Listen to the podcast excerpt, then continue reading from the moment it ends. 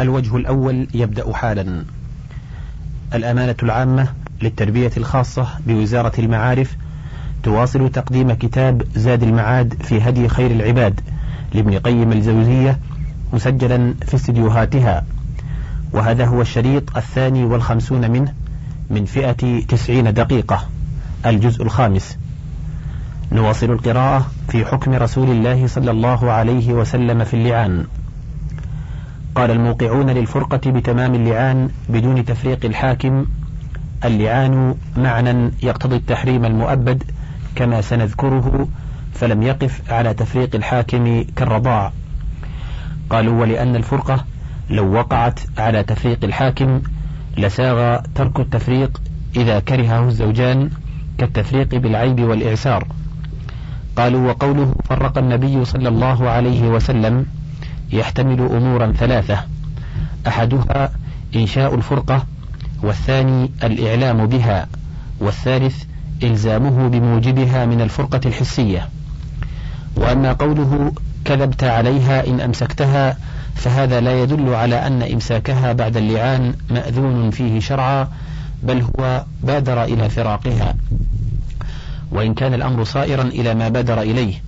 وأما طلاقه ثلاثة فما زاد الفرقة فرقة الواقعة إلا تأكيدا فإنها حرمت عليه تحريما مؤبدا. فالطلاق تأكيد لهذا التحريم وكأنه قال لا تحل لي بعد هذا. وأما إنفاذ الطلاق عليه فتقرير لموجبه من التحريم فإنها إذا لم تحل له باللعان أبدا كان الطلاق الثلاث تأكيدا للتحريم الواقع باللعان.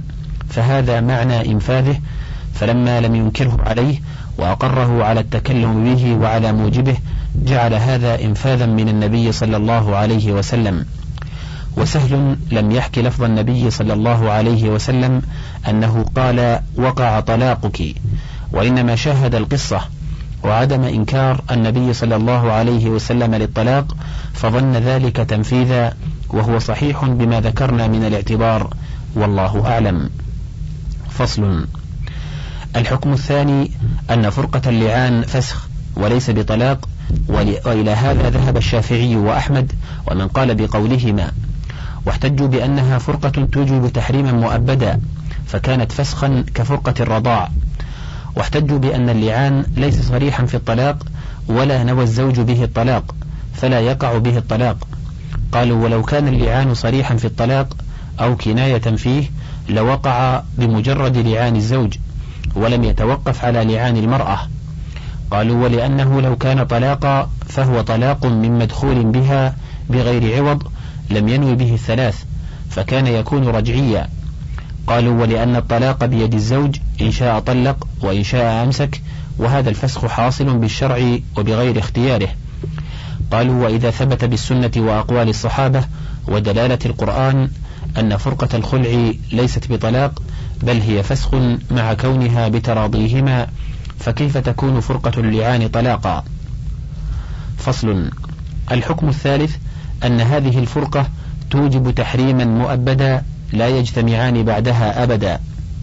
قال الأوزاعي حدثنا الزبيدي حدثنا الزهري عن سهل بن سعد فذكر قصة المتلاعنين وقال ففرق رسول الله صلى الله عليه وسلم بينهما وقال لا يجتمعان أبدا. وذكر البيهقي من حديث سعيد بن جبير عن ابن عمر عن النبي صلى الله عليه وسلم قال المتلاعنان إذا تفرقا لا يجتمعان أبدا.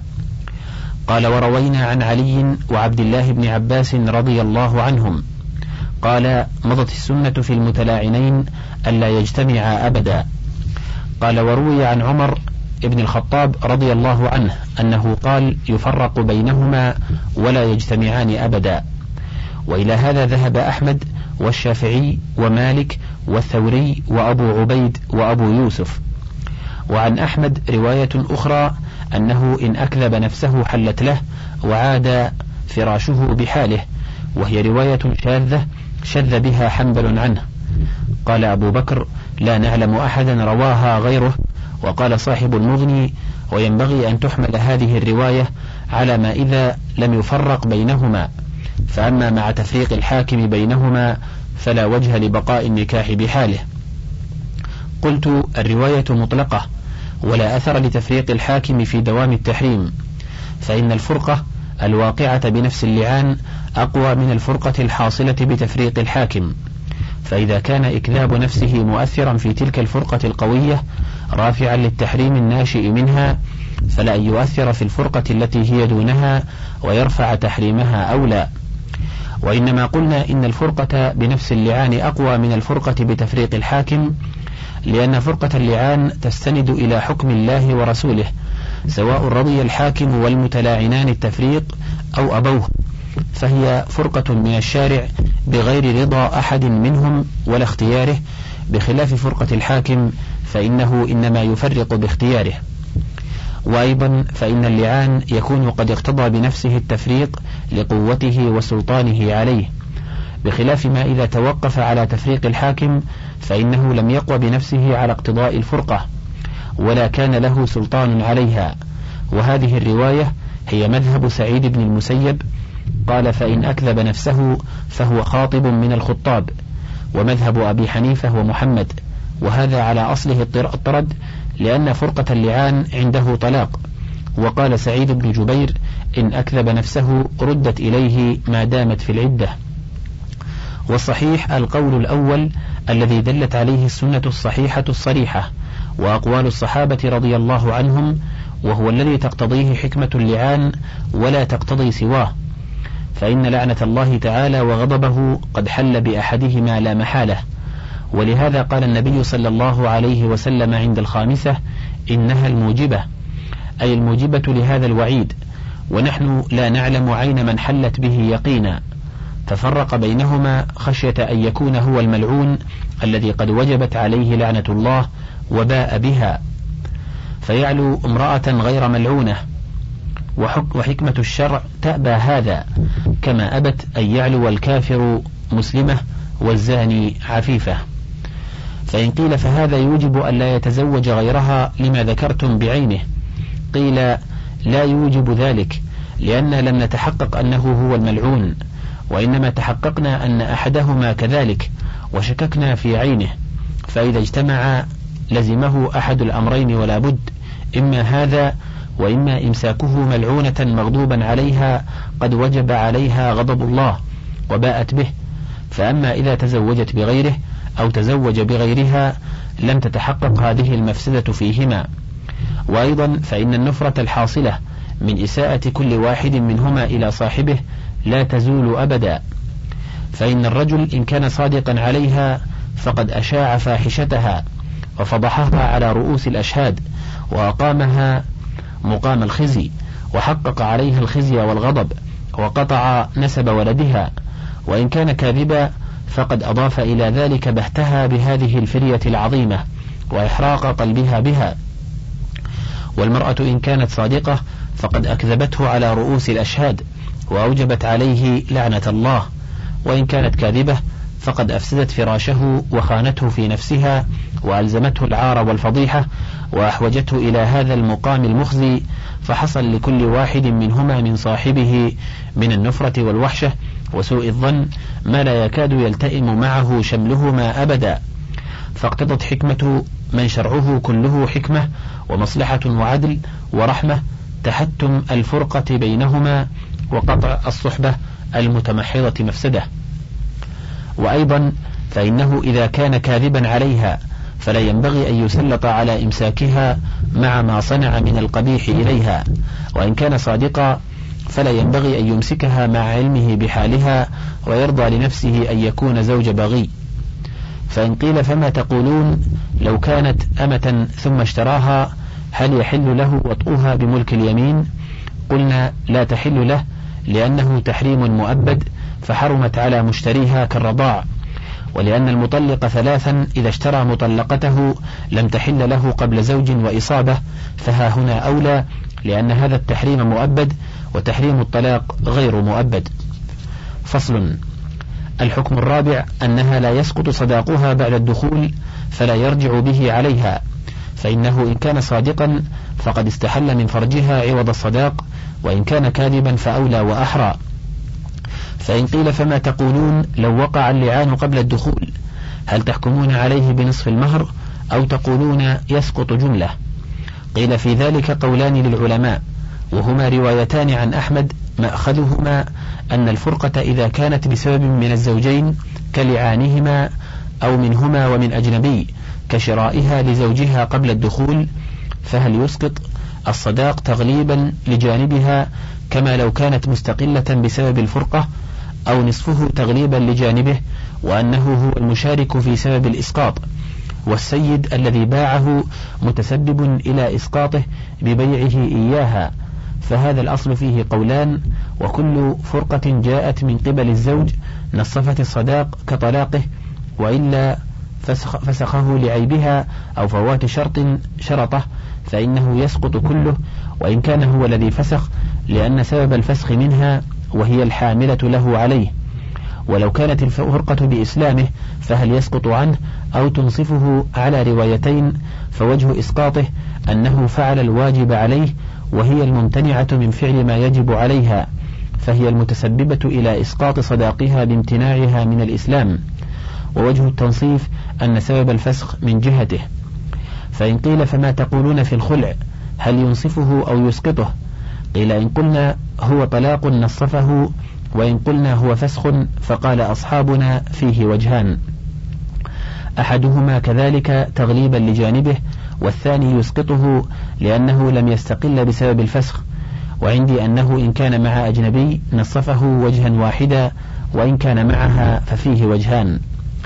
فإن قيل فما تقولون لو كانت الفرقة بشرائه لزوجته من سيدها هل يسقطه أو ينصفه؟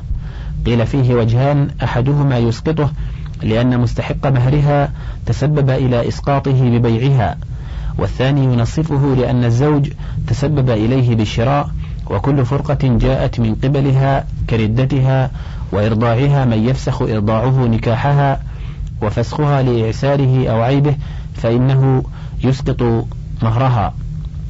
فإن قيل فقد قلتم إن المرأة إذا فسخت لعيب في الزوج سقط مهرها إذ الفرقة من جهتها. وقلتم إن الزوج إذا فسخ لعيب في المرأة سقط أيضا. ولم تجعلوا الفسخ من جهته فتنصفوه. كما جعلتموه لفسخها لعيبه من جهتها فأسقطتموه. فما الفرق؟ قيل الفرق بينهما أنه إنما بذل المهر في مقابلة بضع سليم من العيوب. فإذا لم يتبين كذلك وفسخ عاد إليها كما خرج منها. ولم يستوفه ولا شيئا منه فلا يلزمه شيء من الصداق كما أنها إذا فسخت لعيبه لم تسلم إليه المعقود عليه ولا شيئا منه فلا تستحق عليه شيئا من الصداق. فصل الحكم الخامس أنها لا نفقة لها عليه ولا سكنى كما قضى به رسول الله صلى الله عليه وسلم. وهذا موافق لحكمه في المبتوتة التي لا رجعة لزوجها عليها كما سيأتي بيان حكمه في ذلك وأنه موافق لكتاب الله لا مخالف له بل سقوط النفقة والسكنى للملاعنة أولى من سقوطها للمبتوتة لأن المبتوتة له سبيل إلى أن ينكحها في عدتها.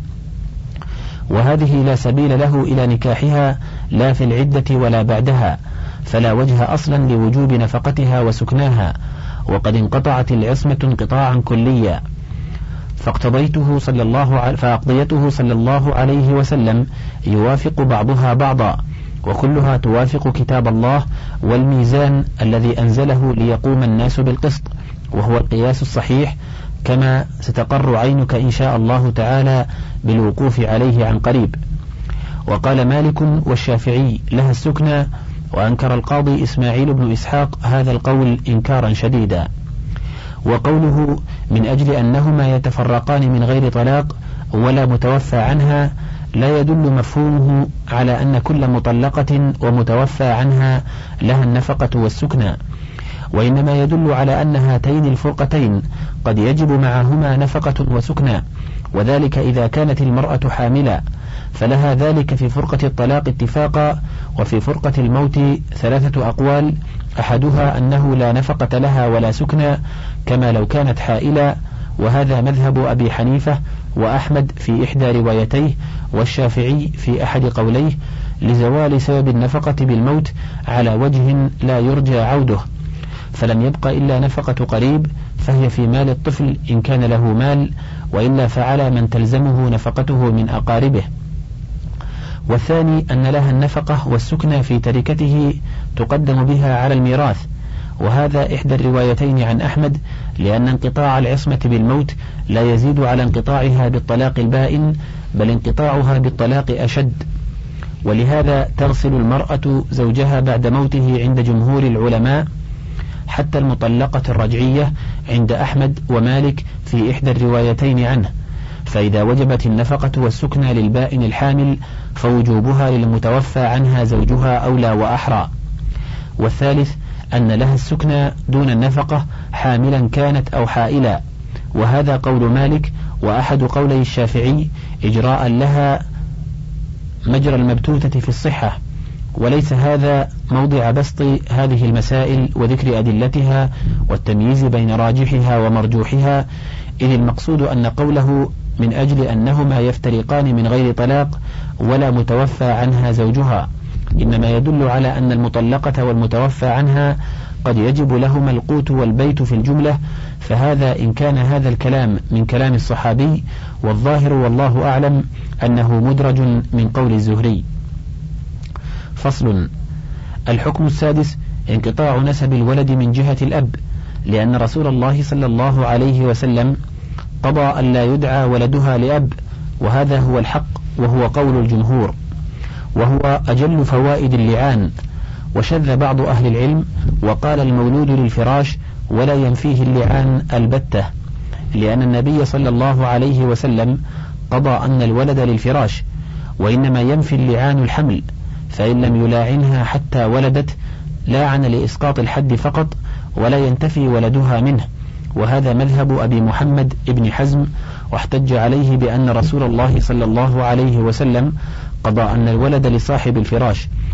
قال فصح أن كل من ولد له على فراشه ولد فهو ولده إلا حيث نفاه الله على لسان رسوله صلى الله عليه وسلم أو حيث يوقن بلا شك أنه ليس ولده. ولم ينفه صلى الله عليه وسلم إلا وهي حامل باللعان فقط. فبقي ما عدا ذلك على لحاق النسب. قال ولذلك قلنا إن صدقته في أن الحمل ليس منه فإن تصديقها له لا يلتفت إليه لأن الله تعالى يقول ولا تكسب كل نفس إلا عليها فوجب أن إقرار الأبوين يصدق على نفي الولد فيكون كسبا على غيرهما. وإنما نفى الله سبحانه الولد إذا أكذبته الأم والتعنت هي والزوج فقط. فلا ينتفي في غير هذا الموضع. انتهى كلامه. وهذا ضد مذهب من يقول إنه لا يصح اللعان على الحمل حتى تضع كما يقول أحمد وأبو حنيفة. والصحيح صحته على الحمل وعلى الولد بعد وضعه كما قاله مالك والشافعي فالأقوال ثلاثة. ولا تنافي بين هذا الحكم وبين الحكم بكون الولد للفراش بوجه ما فإن الفراش قد زال باللعان. وإنما حكم رسول الله صلى الله عليه وسلم بأن الولد للفراش عند تعارض الفراش ودعوى الزاني فأبطل دعوى الزاني للولد وحكم به لصاحب الفراش. وها هنا صاحب الفراش قد نفى الولد عنه. فإن قيل فما تقولون؟ لو لاعن لمجرد نفي الولد مع قيام الفراش فقال لم تزني ولكن ليس هذا الولد ولدي. قيل في ذلك قولان للشافعي وهما روايتين روايتان منصوصتان عن أحمد. إحداهما أنه لا لعان بينهما ويلزمه الولد وهي اختيار الخرقي. والثانية أن له أن يلاعن لنفي الولد فينتفي عنه بلعانه وحده وهي اختيار أبي البركات ابن تيمية وهي صحيحة. فإن قيل فخالفتم حكم رسول الله صلى الله عليه وسلم أن الولد للفراش. قلنا معاذ الله. بل وافقنا أحكامه حيث وقع غيرنا في خلاف بعضها تأويلا. فإنه إنما حكم بالولد للفراش حيث ادعاه صاحب الفراش فرجع فرجح دعواه بالفراش وجعله له. وحكم بنفيه عن صاحب الفراش حيث نفاه عن نفسه وقطع نسبه منه وقضى ألا يدعى لأب فوافقنا الحكمين وقلنا بالأمرين ولم نفرق تفريقا باردا جدا سمجا لا أثر له في نفي الولد حملا ونفيه مولودا. فإن الشريعة لا تأتي على هذا الفرق الصوري الذي لا معنى تحته البتة وإنما يرتضي هذا من قل نصيبه من ذوق الفقه وأسرار الشريعة وحكمها ومعانيها والله المستعان وبه التوفيق. فصل.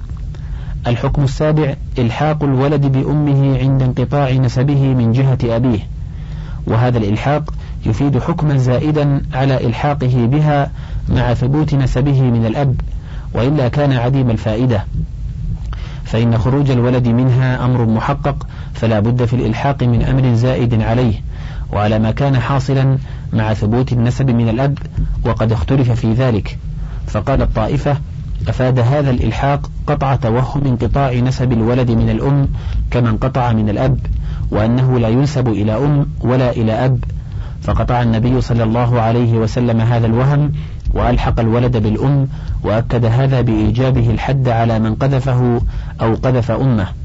وهذا قول الشافعي ومالك وأبي حنيفة وكل من لا يرى أن أمه وعصباتها له.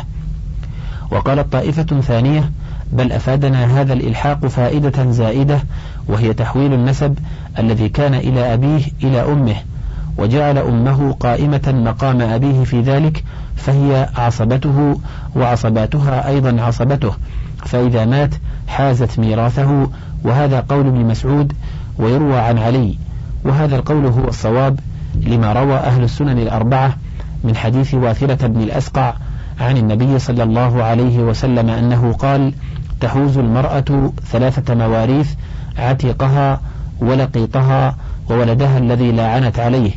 ورواه الإمام أحمد وذهب إليه. وروى أبو داود في سننه من حديث عمرو بن شعيب عن أبيه عن جده عن النبي صلى الله عليه وسلم أنه جعل ميراث ابن الملاعنة لأمه ولورثتها من بعدها. وفي السنن أيضا مرسلا من حديث مكحول قال جعل رسول الله صلى الله عليه وسلم ميراث ابن الملاعنة لأمه ولورثتها من بعدها. وهذه الآثار موافقة لمحض القياس فإن النسب في الأصل للأب فإذا انقطع من جهته صار للأم كما أن الولاء في الأصل لمعتق الأب فإذا كان الأب رقيقا كان لمعتق الأم. فلو أعتق الأب فلو أعتق الأب بعد هذا انجر الولاء من موالي الأم إليه ورجع إلى أصله وهو نظير ما إذا كذب الملاعن نفسه واستلحق الولد رجع النسب والتعصيب من الأم وعصبتها إليه. فهذا محض القياس وموجب الأحاديث والآثار وهو مذهب حبر الأمة وعالمها عبد الله بن مسعود ومذهب إمامي أهل الأرض في زمانهما أحمد بن حنبل وإسحاق بن راهويه وعليه يدل القرآن بألطف إيماء وأحسنه فإن الله سبحانه جعل عيسى من ذرية إبراهيم بواسطة مريم أمه وهي من صميم ذرية إبراهيم. وسيأتي مزيد تقرير لهذا عند ذكر أقضية النبي صلى الله عليه وسلم وأحكامه في الفرائض إن شاء الله تعالى. فإن قيل فما تصنعون بقوله في حديث سهل الذي رواه مسلم في صحيحه في قصة اللعان وفي آخره ثم جرت السنة أن يرث منها وترث منه ما فرض الله لها.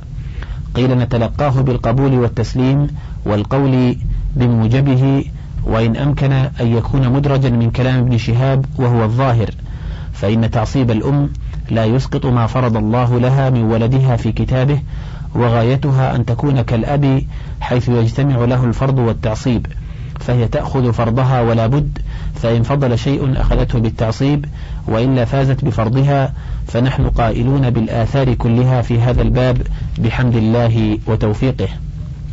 فصل. الحكم الثامن أنها لا ترمى ولا يرمى ولدها ومن رماها أو رمى ولدها فعليه الحد. وهذا لأن لعانها نفى عنها تحقيق ما رميت به فيحد قاذفها وقاذف ولدها. هذا الذي دلت عليه السنة الصحيحة الصريحة وهو قول جمهور الأمة.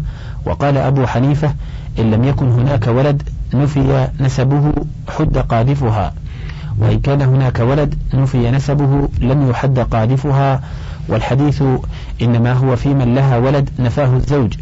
والذي أوجب له هذا الفرق أنه متى نفى نسب ولدها فقد حكم بزناها بالنسبة إلى الولد فأثر ذلك شبهة في سقوط حد القذف.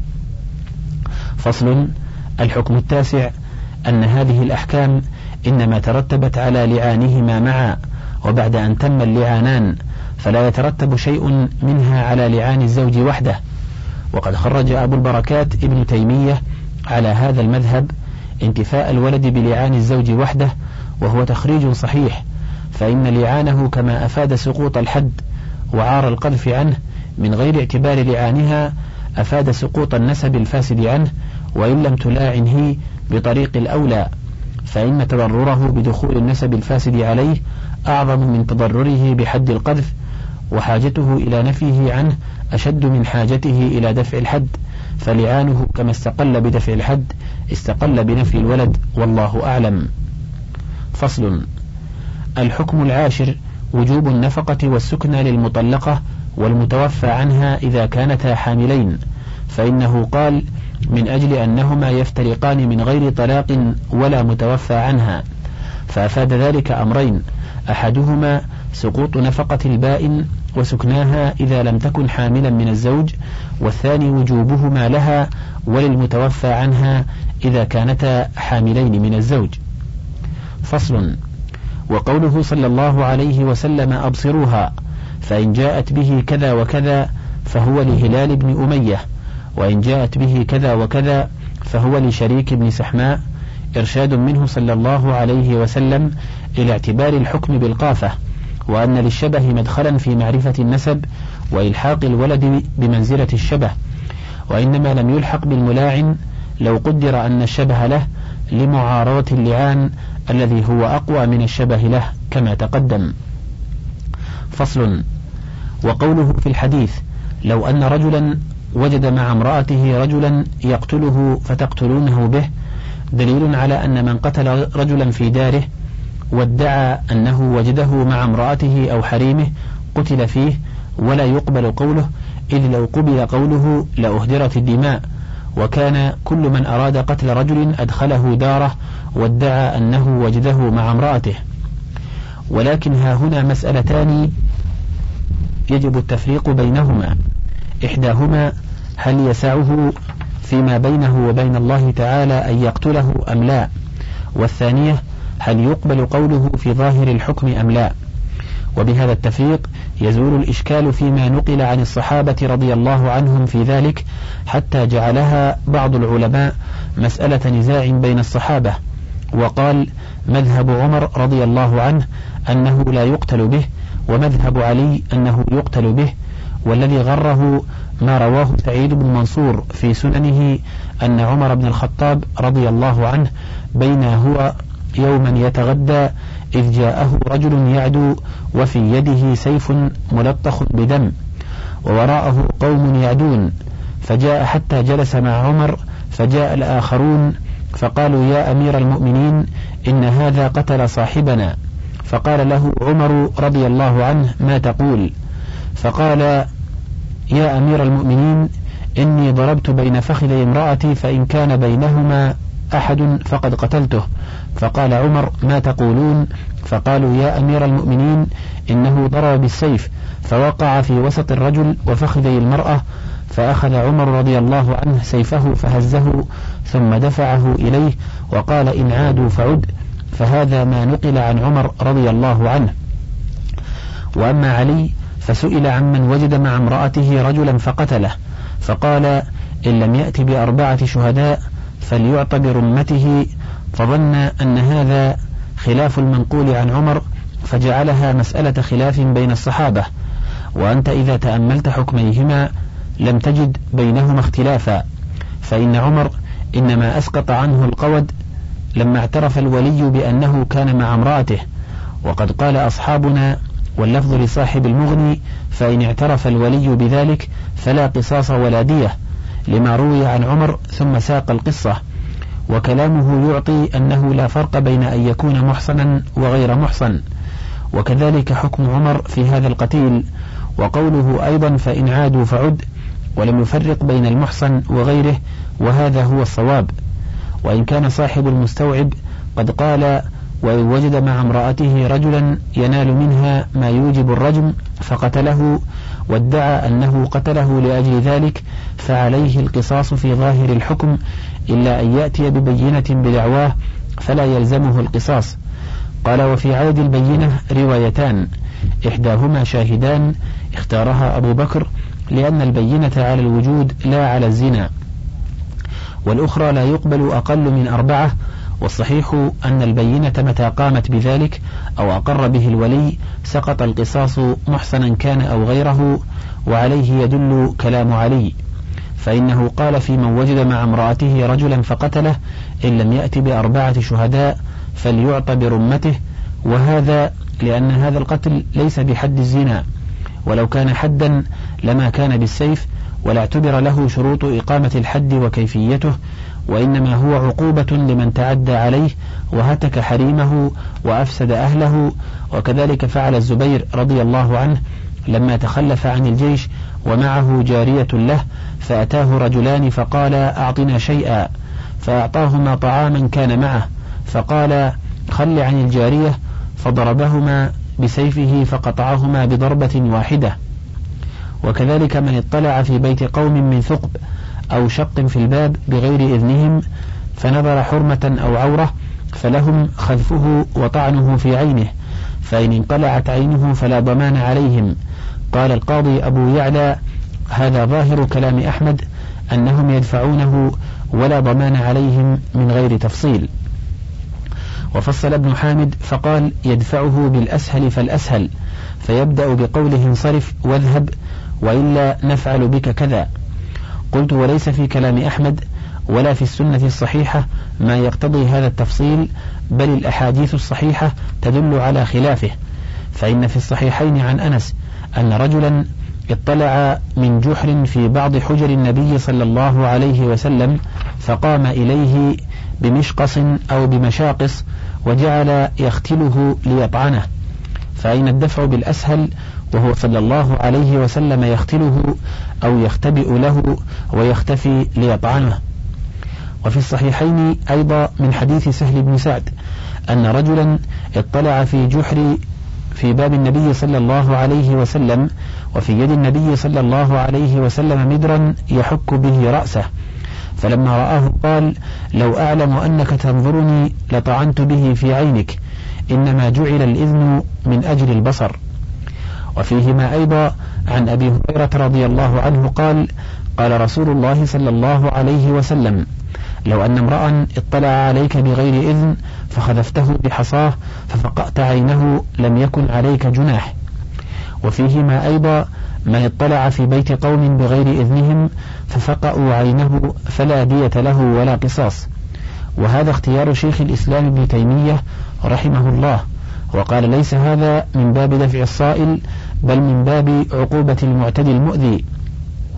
وعلى هذا فيجوز له فيما بينه وبين الله تعالى قتل من اعتدى على حريمه سواء كان محصنا أو غير محصن معروفا بذلك أو غير معروف كما دل عليه كلام الأصحاب وفتاوى الصحابة. وقد قال الشافعي وأبو ثور يسعه قتله فيما بينه وبين الله تعالى إذا كان الزاني محصنا جعلاه من باب الحدود. وقال أحمد وإسحاق يهدر دمه إذا جاء بشاهدين ولم يفصل بين المحصن وغيره واختلف قول مالك في هذه المسألة. فقال ابن حبيب إن كان المقتول محصنا وأقام الزوج البينة فلا شيء عليه وإلا قتل به. وقال ابن القاسم إذا قامت البينة فالمحصن وغير المحصن سواء ويهدر دمه واستحب ابن القاسم الدية في غير المحصن. فإن قيل فما تقولون في الحديث المتفق على صحته؟ عن أبي هريرة رضي الله عنه أن سعد بن عبادة رضي الله عنه قال يا رسول الله أرأيت الرجل يجد مع امرأته رجلا أيقتله؟ فقال رسول الله صلى الله عليه وسلم لا. فقال سعد بلى والذي بعثك بالحق. فقال رسول الله صلى الله عليه وسلم اسمعوا إلى ما يقول سيدكم. وفي اللفظ الآخر إن وجدت مع امرأتي رجلا أمهله حتى آتي بأربعة شهداء. قال نعم. قال والذي بعثك بالحق. إن كنت لأعاجله بالسيف قبل ذلك. قال رسول الله صلى الله عليه وسلم اسمعوا إلى ما يقول سيدكم إنه لغيور وأنا أغير منه والله أغير مني. قلنا نتلقاه بالقبول والتسليم والقول بموجبه. وآخر الحديث دليل على أنه لو قتله لم يقد به لأنه قال بلى والذي أكرمك بالحق. ولو وجب عليه القصاص بقتله لما أقره على هذا الحلف ولما أثنى على غيرته ولقال لو قتلته قتلت به. وحديث أبي هريرة صريح في هذا فإن رسول الله صلى الله عليه وسلم قال أتعجبون من غيرة سعد؟ فوالله لأنا أغير منه والله أغير مني. ولم ينكر عليه ولا نهاه عن قتله لأن قوله صلى الله عليه وسلم حكم ملزم. وكذلك فتواه حكم عام للأمة. فلو أذن له في قتله لكان ذلك حكما منه بأن دمه هدر في ظاهر الشرع وباطنه. ووقعت المفسدة التي درأها الله بالقصاص وتهالك الناس في قتل من يريدون قتله في دورهم ويدعون أنهم كانوا يرونهم على حريمهم فسد الذريعة وحمى المفسدة وصان الدماء وفي ذلك دليل على أنه لا يقبل قول القاتل ويقاد به في ظاهر الشرع. فلما حلف سعد أنه يقتله ولا ينتظر به الشهود عجب النبي صلى الله عليه وسلم من غيرته وأخبر أنه غيور وأنه صلى الله عليه وسلم أغير منه والله أشد غيره وهذا يحتمل معنيين. أحدهما إقراره وسكوته على ما حلف عليه سعد أنه جائز له فيما بينه وبين الله ونهي عن قتله في ظاهر الشرع ولا يناقض أول الحديث آخرة. والثاني أن رسول الله صلى الله عليه وسلم قال ذلك كالمنكر على سعد فقال ألا تسمعون إلى ما يقول سيدكم؟ يعني أن أنهاه عن قتله وهو يقول بلى والذي أكرمك بالحق ثم أخبر عن الحامل له على هذه المخالفة وأنه شدة غيرته ثم قال أنا أغير منه والله أغير مني. وقد شرع إقامة الشهداء الأربعة مع شدة غيرته سبحانه فهي مقرونة بحكمة ومصلحة ورحمة وإحسان فالله سبحانه مع شدة غيرته أعلم بمصالح عباده وما شرعه لهم من إقامة الشهود الأربعة دون المبادرة إلى القتل. وأنا أغير من سعد وقد نهيته عن قتله. وقد يريد رسول الله صلى الله عليه وسلم كلا الأمرين وهو الأليق بكلامه وسياق القصة. فصل في حكمه صلى الله عليه وسلم في لحوق النسب بالزوج إذا خالف لون ولده لونه.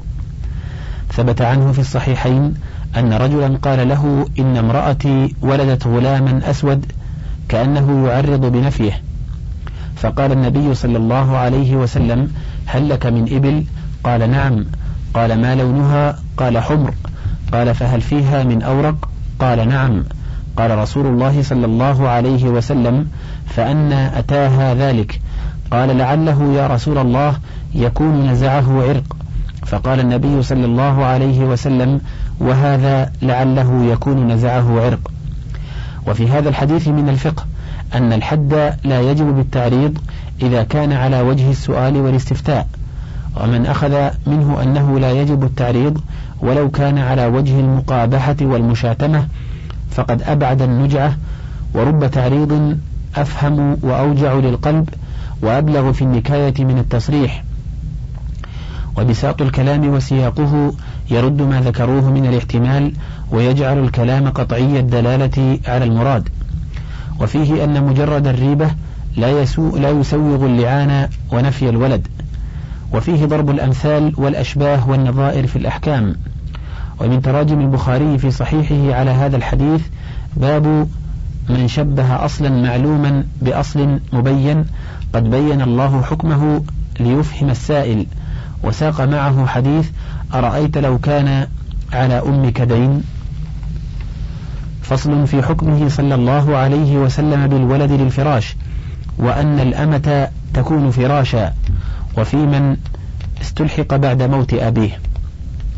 ثبت في الصحيحين من حديث عائشة رضي الله عنها قالت اختصم سعد بن أبي وقاص وعبد بن زمعة في غلام.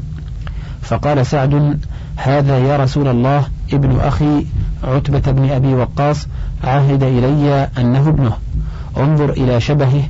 وقال عبد بن زمعة هذا أخي يا رسول الله. ولد على فراش أبي من وليدته.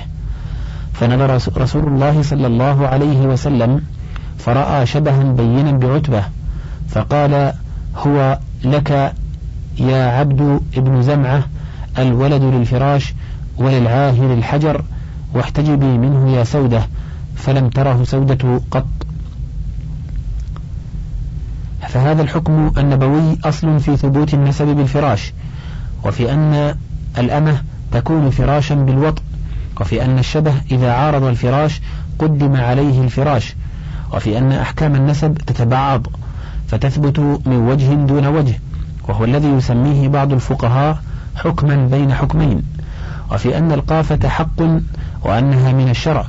فأما ثبوت النسب بالفراش فأجمعت عليه الأمة وجهات ثبوت النسب أربعة الفراش والاستلحاق والبينة والقافة.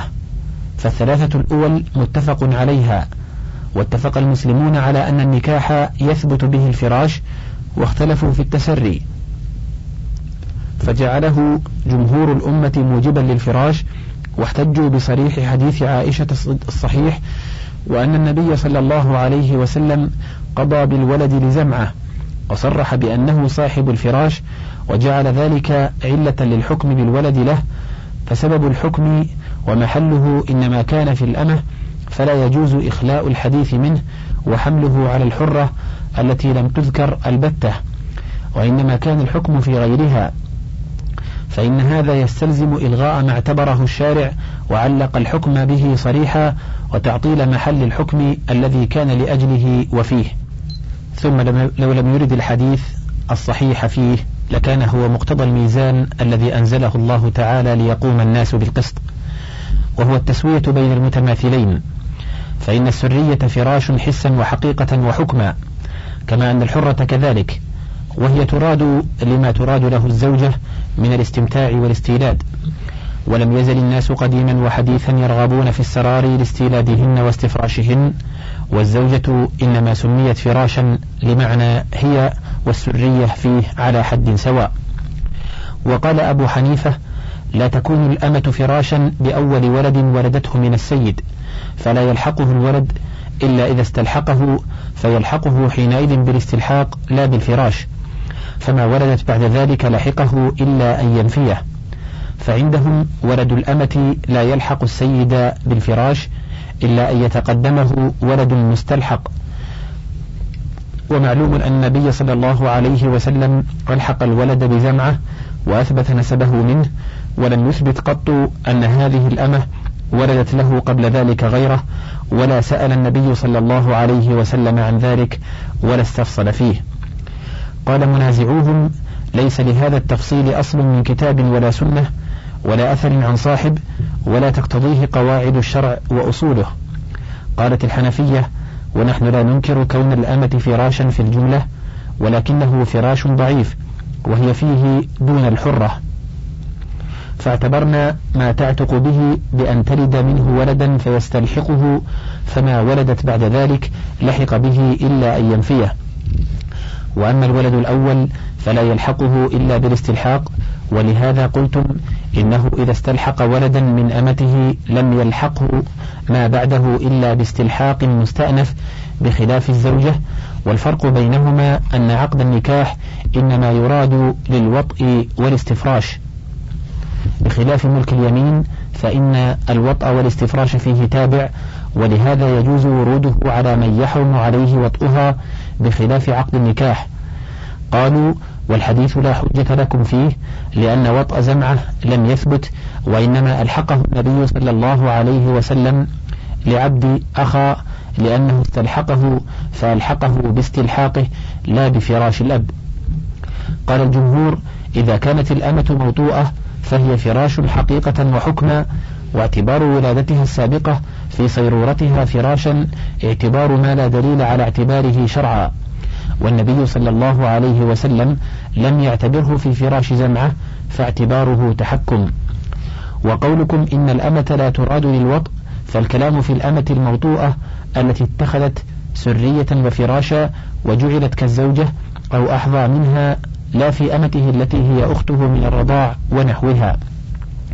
وقولكم إن وطأ زمعة لم يثبت حتى يلحق به الولد ليس علينا جوابه بل جوابه على من حكم بلحوق الولد بزمعة وقال لابنه هو أخوك. وقولكم إنما ألحقه بالأخ لأنه استلحقه باطل فإن المستلحق إن لم يقر به جميع الورثة لم يلحق بالمقر إلا أن يشهد منهم اثنان أنه ولد على فراش الميت وعبد لم يكن يقر له جميع الورثة فإن سودة زوجة النبي صلى الله عليه وسلم أخته وهي لم تقر به ولم تستلحق وحتى لو أقرت به مع أخيها لكان ثبوت النسب بالفراش لا بالاستلحاق.